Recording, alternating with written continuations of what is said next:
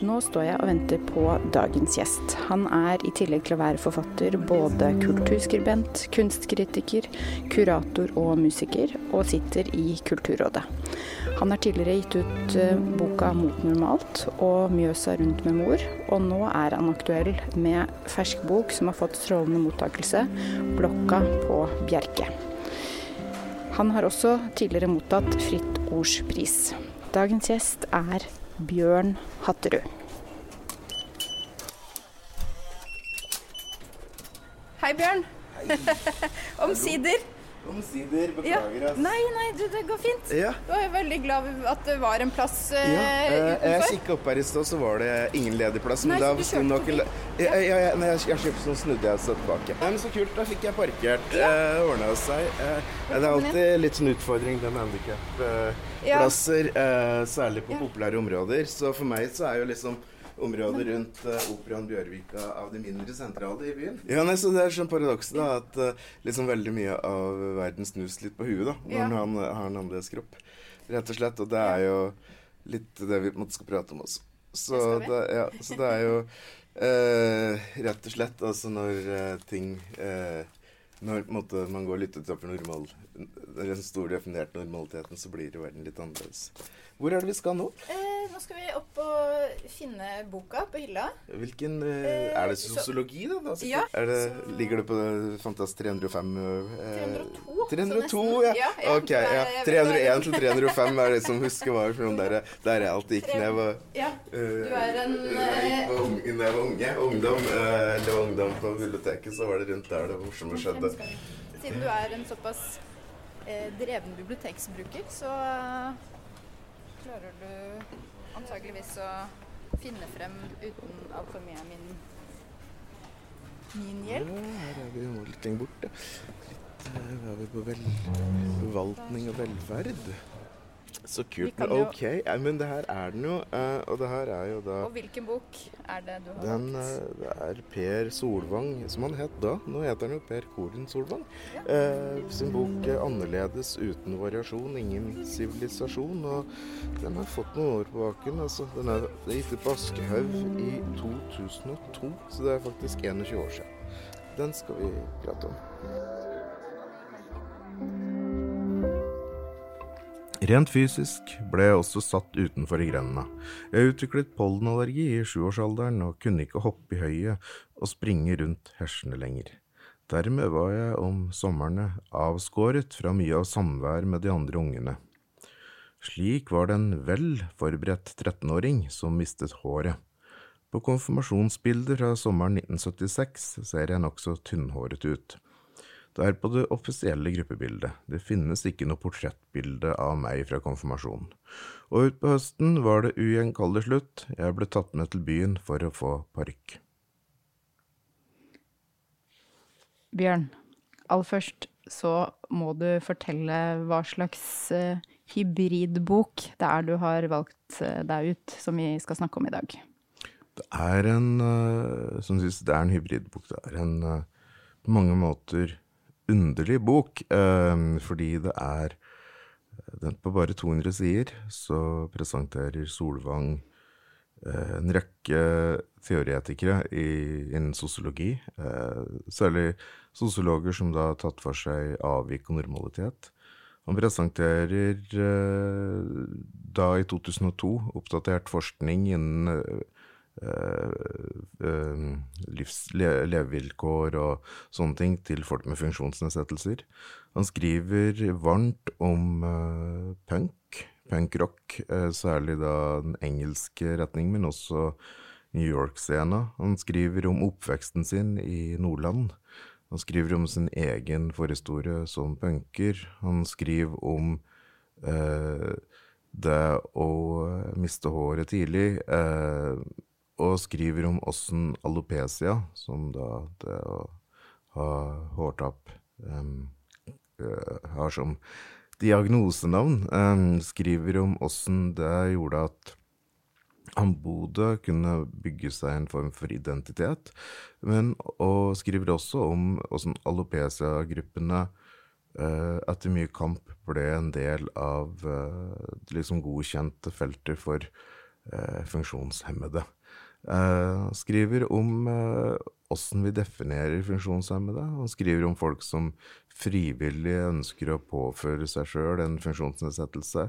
Amputasjon? Amputasjon, ja. Mm. Um, han skriver om homoseksualitet i dyreriket. Uh, skriver om myke og feminine heterofile menn, osv., osv., osv.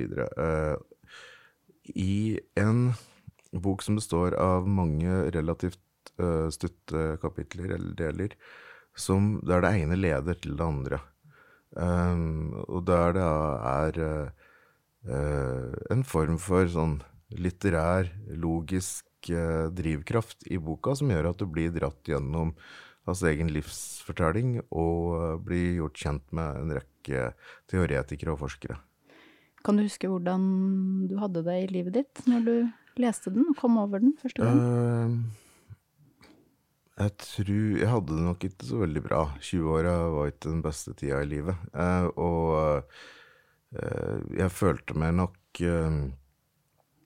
ganske ensom som eh, homofil eh, mann i Oslo, eh, klassereisende, som eh, da hadde droppa ut fra diverse universitetsfag. Eh, og eh, det at jeg hadde funksjonsnedsettelser på toppen av det hele.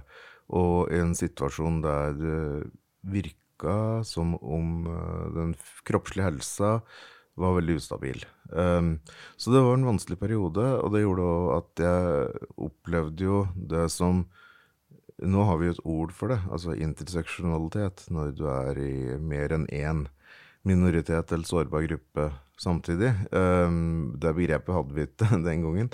Uh, sånn at det, å da være homo uh, med en annerledes kropp.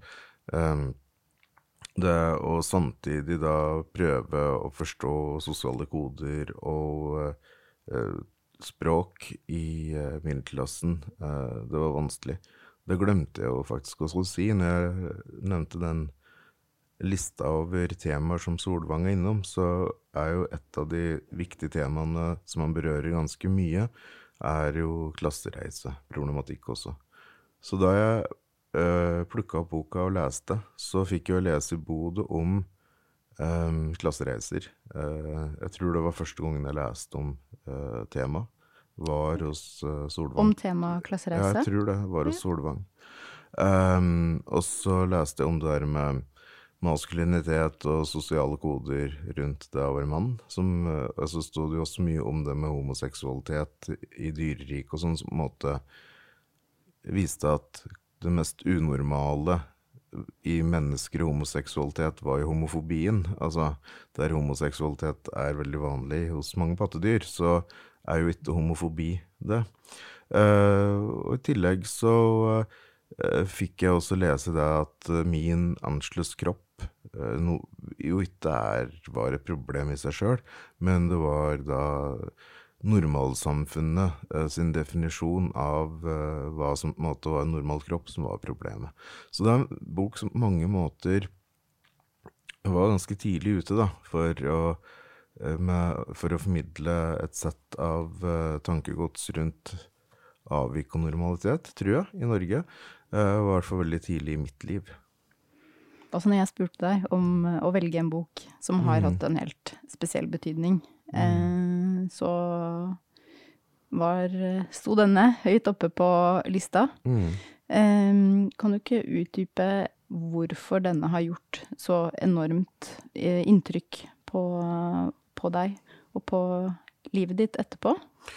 Jeg tror um, En ting er jo tida i livet mitt. Jeg var i midten av 20-åra, og jeg følte meg veldig mislykka på mange måter. Uh, mens den boka er da på en måte uten at den er ekstremt politisk radikal eller noe, så setter den jo det normale i perspektiv, da. Ikke sant? Sånn at, at det å være annerledes eh, like gjerne kan være positivt som negativt, og eh, viste med veldig mange gode eksempler åssen eh, eh, og som oppleves som, eller oppfattes som negativt og positivt, endrer seg over tid. Mm. Sånn at det som er er, mye er sosialt betinga. Ja, og Eh, historisk betinga. ja. Et, sånt, et morsomt eksempel i boka er jo at det vises til en reklamefilm som jeg hadde helt glemt eh, fram til jeg leste om den, som da eh, var for et eh, firma som solgte barberhøvler. Um, og når boka her kom i 2002, så var jo s- situasjonen rundt menns eh, hår, skjegg og kroppsbåring stikk motsatt av i dag. Da var det sånn at eh, hvis menn hadde kroppshår, så var det vanlig å barbere det av. Eh, det var vanlig å ha glattbarbert ansikt og kort, eh, klipt hår. Um, og i boka viste det da til en reklamefilm der det er noen damer som er eh, i sjøen De er og bader? ute og bader, ja. Ja. Og så kommer det hai som da skal angripe de. Og så roper de hjelp, hjelp, og så kommer det da en livvakt. Men livvakten har både fullskjegg og kroppshår, og da blir damene så forskrekket at de løper tilbake frivillig til haien. Ja. Eh, og det her viser jo hvor måte, groteskt kroppshår og skjegg ble sett på i to, Ja. år 2000 og, eller tidlig 2000-tall. Hvis en mann da lot skjegget gro, og, og brysthåra gro, så vil damer finne det så uattraktivt at de heller vil bli spist levende av en hai. Eh, og det sier jo eh, mens nå det siste tiåret så har jo det å ha kroppsbehåring og skjegg, fullskjegg og sånn vært sett på som attraktivt. Uh? Så det viser hva som som er attraktivt, og som er pent, og som er normalt, Uh, på en måte går inn og ut da, av motebildet, og, og at sånne ting endrer seg over tid, rett og slett. da. At det er konteksten som annerledesheten står i, da, som er eh, det som avgjør eh, om noe blir liksom verdimessig plassert høyere eller lavere. Altså, jeg har alltid eh, hatt en litt sånn derre trassig innstilling til eh, det med normalitet og ikke. Uh, alltid syntes det har vært skummelt eh, hvis folk på en måte jobber for hardt for å passe inn. Eh, det er sprøtt kanskje å si det, fordi jeg veit at de aller fleste på et eller plan ønsker å passe inn, og det gjør jeg òg. Men jeg vil jo det òg på mange måter. Men samtidig så har jeg hatt en sånn derre trass i meg helt fra jeg var slutten av tenåra særlig, da, på at uh, at offer er det noen som skal bestemme liksom hva andre skal gjøre. ikke sant? Um, Når du da leste denne boka for ca. 20 år siden, eh, opplevde du at dette var nye tanker eh, for deg? Altså, jeg hadde jo vært borti flere av måtene å tenke på tidligere, eh, gjennom bøker jeg hadde lest. Men her sammenfatta eh, flere ting som jeg var opptatt av i én bok. Sammenfatta klassereise, som var viktig for meg, eh, fordi jeg sjøl var klassereisende, uten at jeg hadde noe begrep for det. Jeg, jeg, jeg tror ikke jeg kjente det begrepet før jeg leste Solvang.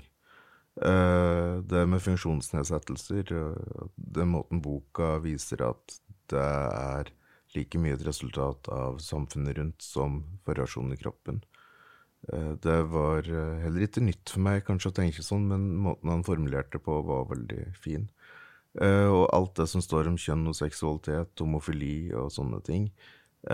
måten han da viser at det her er like mye Altså problemene med det er like mye samfunnsskapte som naturgitte. Det var vel noe jeg hadde vært borti før, men han eh, formulerte det veldig godt. Og det å sammen la det her gå inn i én bok, altså gå inn i én tekst, der mange av de tinga jeg var opptatt av, blir eh, omtalt i én bok, det var en ganske sterk opplevelse. Det husker jeg. Opplevde du at boka på en måte handla om deg, selv om den selvfølgelig handler om han, og han bruker jo sin sosiologibakgrunn også? Men hvis du skjønner, skjønner hva jeg mener? Mm, ja, den boka ble et slags rom som jeg kjente meg igjen i. Altså, der jeg kunne liksom bevege meg frem og tilbake i boka. Og så tenker jeg at, uh, at uh, om det ikke direkte handla om meg, så var det ting som berørte meg veldig personlig. Uh, på mange måter. Samtidig i ei bok. Ble det en trygghet å lese det svart på hvitt? Ja, på en måte. Fordi at uh, boka er jo uh, har jo veldig mye kildehenvisninger og sånne ting, så det er jo liksom en seriøs, ordentlig bok som da var skrevet av en akademiker. Og det gjorde også at jeg kunne kanskje tillate meg å tenke tanker jeg kanskje allerede hadde, da, uh, men med litt større trygghet enn det jeg gjorde før. Mm. En annen ting med en bok er at da um, vil tankene være artikulert på en veldig god måte. Så det er lettere å forholde seg til dem enn når de svirrer rundt i eget hue.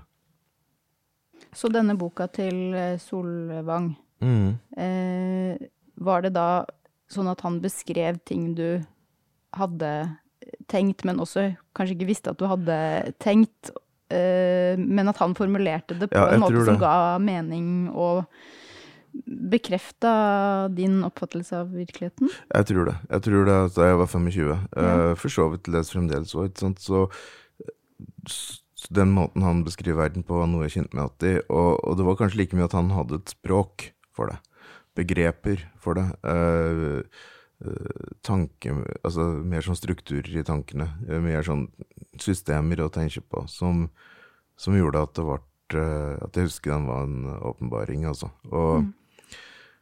Og det er 20 eh, år er eh, fryktelig lang tid med tanke på kulturell utvikling. Sånn at eh, den situasjonen vi er i nå, der det er en selvfølge at folk med funksjonsnedsettelser skal ha full tilgang overalt, den var jo overhodet ikke der for 20 år siden. Da var det jo slik at enhver liksom tilrettelegging eh, var jo på en måte en byrde som samfunnet tok på seg, fordi at det var så synd på de her stakkars funksjonshemmede. Og eh, det samme gjaldt også rundt der med homoseksualitet. I 2002 eh, så var det jo fremdeles slik at det fra Stortingets talerstol ble argumentert mot å gi homofile helt grunnleggende rettigheter. Eh, enten med da Bibel i hånd, eller med bekymring for at f.eks. barn som vokste opp hos et homofilt par, skulle få oppleve eh, store byrder i oppveksten fordi at foreldrene var annerledes. Eh, og det som er så sprøtt, da, er jo at eh, maktrepresentanter fra storsamfunnet, istedenfor å si at nå må vi ta oss sammen, slik at de unga som vokser opp hos homofile par, ikke opplever eh, noe ubehag, eh, i stedet så sa de at nei, de må forhindres fra å vokse opp hos homofile, for da blir det ubehag. Altså det, for 20 år siden, eller drøyt 20 år siden så var det så utrolig mange ting man, eh, som vi i dag tar for gitt, som uh, fremdeles var vanskelig å, for mange å forstå. Altså, blant annet det der med at homofile er like bra mennesker som andre. Uh, og det er også som er så bra da, med den boka til Solvang, var jo at han på en måte sidestiller jo ikke homofili og hårtap og funksjonsnedsettelser og sånn, men han på en måte viser at det er mekanismer eh, rundt hva vi definerer som normalt ikke, som, eh, som uh, er med å avgjøre da hvorvidt homofili måte var uh, et stort avvik eller et lite avvik, eller litt avvik i det hele tatt, om det var positivt avvik, et negativt avvik, og det samme gjaldt de andre tinga. Han viser blant annet at alopecia, altså at, hår, altså at håret forsvinner fra hodet og etter hvert kroppen i enkelte tilfeller. Han kan vise at det jo mest sannsynlig er en, et barn av naturen. Altså det er en del av menneskelig mangfoldet. Um, Han skriver vel at uh, vi alle sammen kanskje er på vei dit? Kanskje, altså, ja. ja. Men hvis vi tenker Darwin, så var det vel slik at jo, i 2002 var det kanskje vanskelig for en mann med mye kroppsår å få etterkommere, uh, mens i dag så er det kanskje lettere igjen. Uh, sånn at da betyr det, det vel at, ja, da betyr det vel at det fremdeles er håp for uh, kroppsår hos mennesker og noen generasjoner til. Men, men uansett, måten vi betrakter og tar imot den liksom naturlige gaven som LPC er, da, det, det det er jo kultur. Ikke mm. Om vi sier at det her er forferdelig trist og det er grusomt og stakkars dem, eller at vi sier at oi, det her er sånn som skjer, eh, da fikser vi det på en eller annen måte, parykk eller hva det måtte være. Eller om man da sier at eh, vi kunne like så gjerne på en måte valgt og sagt at de her er supermennesker, på en måte. Herregud, så heldige de er, og vi er Der er det mest sexy personen i verden, og den mest fantastiske personen i verden.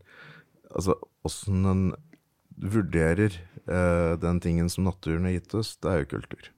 Kan du ikke lese litt mer fra jo. boka? Det skal jeg gjøre. Forventningene til meg og min skjebne var store den dagen jeg trådde inn på skolebussen iført parykk. De fleste trodde jeg var sjanseløs, at jeg straks ville bli gjort til gjenstand for brutal mobbing, men det skjedde ikke. En god venn fra denne tiden hadde flere år etter en forklaring. For de andre var jeg ubegripelig nonsjalant i mitt forhold til min vannskjebne som hårløs og parykkbruker. Det virket ikke som jeg brydde meg noe særlig om det hele. Dermed var ikke mobbing aktuelt. Stadig vekk ifølge min venns teori. For meg selv var det bare fortsettelsen på en utvikling.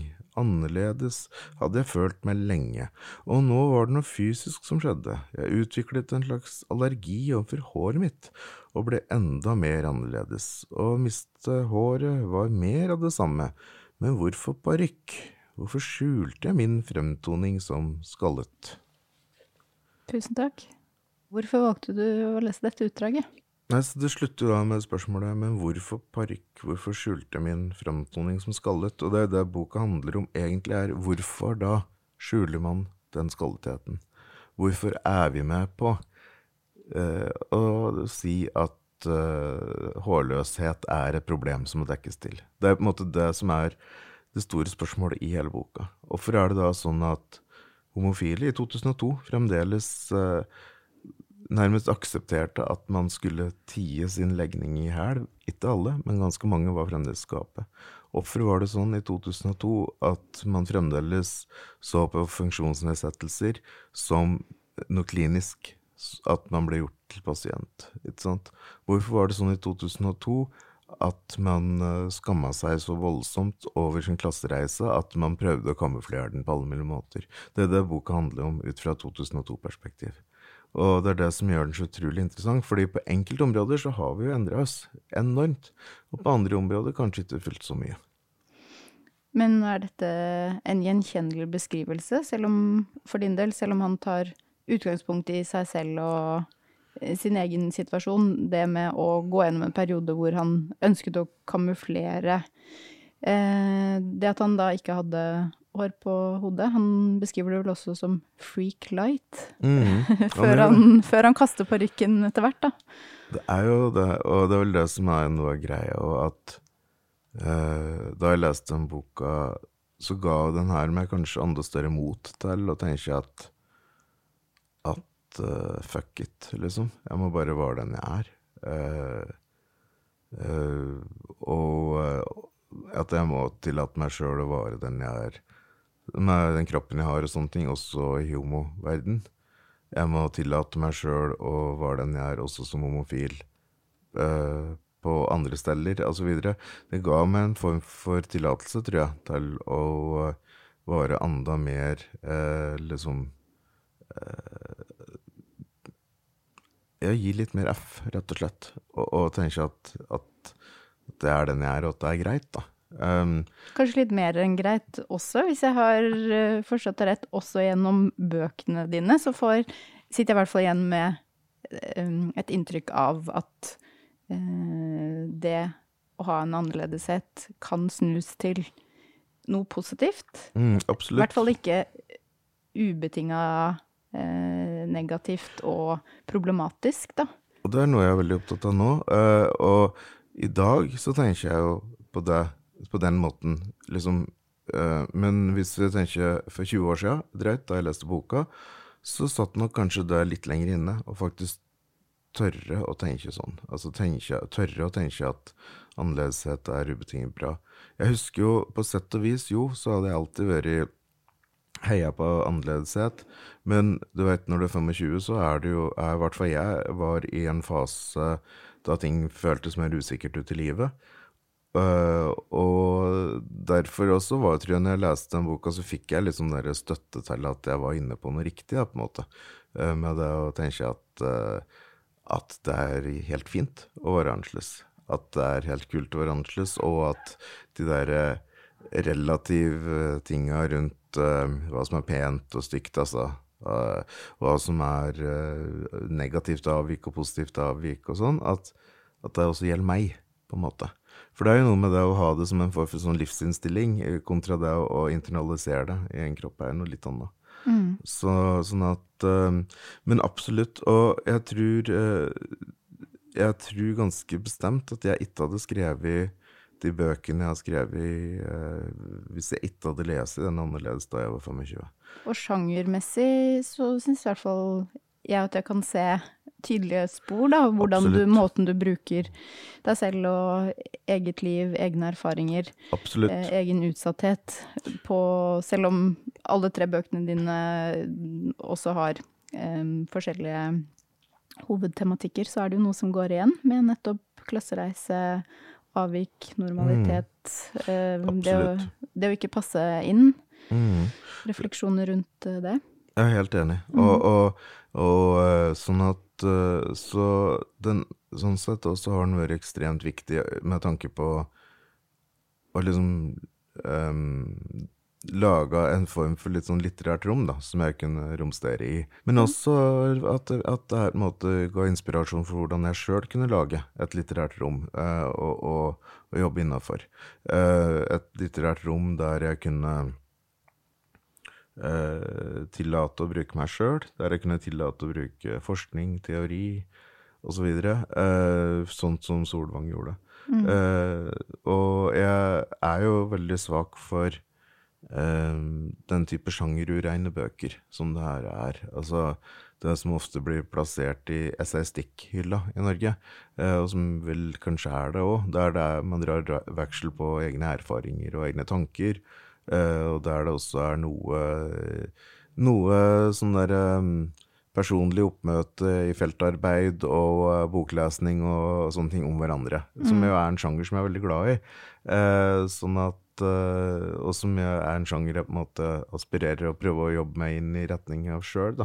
Så det her er jo et veldig godt eksempel på en sånn bok som da viste at det var mulig, rett og slett, da, å lage et uh, annet uh, litterært rom. Mm. Hvordan har det vært å lese den igjen, 20 år etter? Uh, det har vært uh, Veit du hva, jeg satte meg ned med, med sånn jeg, eh, eh, noen drakk, jeg drakk noen glass med sånn sterk sider, eh, sånn at jeg liksom skulle og det morsomme var at når jeg liksom var sånn inni boka, så fikk jeg liksom den, den kroppslige følelsen av å være 25 igjen. Det var liksom kjempemorsomt. Kombinasjonen av alkohol og boka gjorde mirakler. På, eh, var det på godt og vondt? Nei, eller? mest på den, godt. Det var ja, mest, en slags tidsreise? Ja, ja skikkelig ja. fint. Eh, og jeg syns veldig mye av boka Eh, funker veldig godt fremdeles, altså. Eh, det aller meste er fremdeles veldig interessant lesning. Eh, noe er interessant også fordi jeg ser at det er blitt utdatert. Altså fordi at verden har beveget seg videre, ikke sant? Og sånn at og, og, noe er Men veldig mye er interessant også fordi jeg tenker litt som Når jeg leser det nå, så tenker jeg jo But of course, selvfølgelig, sånn tenker jeg. Men jeg tenker, ser jo samtidig hvor liksom revolusjonerende tanker det var eh, i 2002, og særlig for meg, men jeg tror også generelt liksom i samfunnet. Jeg tror at eh, boka på mange måter eh, kanskje kom litt for tidlig, eh, rett og slett. da. Helt eh, avslutningsvis så vil jeg spørre deg om du tror det er eh, enklere å være annerledes i dag enn for 20 år siden? Det er i hvert fall enklere for meg, eh, men det kan jo ha sammenheng med at jeg er 20 år eldre. At jeg er tryggere på meg sjøl og er en voksen person. Eh, men det er klart, veldig mye er blitt veldig mye bedre. Eh, vi har et mye større mangfold med tanke på kjønn og seksualitet og kjønnsuttrykk og sånne ting. Vi har pride, som er helt fantastisk. Det er veldig, veldig mye som er mye bedre. Vi har representasjon av folk med ulik etnisk bakgrunn i medier, og reklamer folk med funksjonsnedsettelse begynner å synes mer, osv. Så, videre. så veldig mye ser veldig mye bedre ut for 20 år siden. Men så er det jo det, da, at uh, vi har alle blindsoner. Um, og blindsonen er vanskelig å peke på, for de ser vi ute. Uh, sånn at mest sannsynlig uh, hvis en bok som det her hadde blitt skrevet i dag, så ville det mest sannsynlig være slik at om 20 år så ville man kunne tatt opp den og tenkt herregud, åssen var det de tenkte? Og mest sannsynlig er det ting i vår samtid som vi gjør mot folk som er annerledes, som eh, om en 20 års tid vil bli sett på som helt grusomt. Men det er vanskelig for oss å se det, fordi at vi er jo midt oppi det, rett og slett. Kanskje du må komme tilbake om 20 år, så kan vi ta en ny samtale om eh, normalitet og se på de siste 20 årene hva som har forandret seg og ikke. Ja, da ses vi klokka halv elleve om 20 år. det er en avtale. Jeg gleder meg. Ja. Bjørn, tusen takk for at du tok turen til eh, biblioteket. Boken vi har snakket om er 'Annerledes uten variasjon, ingen sivilisasjon' av eh, Per Solvang. Og den og alle bøkene dine kan selvfølgelig både lånes og leses på biblioteket. Takk for meg. Dette er en podkast fra Deichman, hele Oslos folkebibliotek.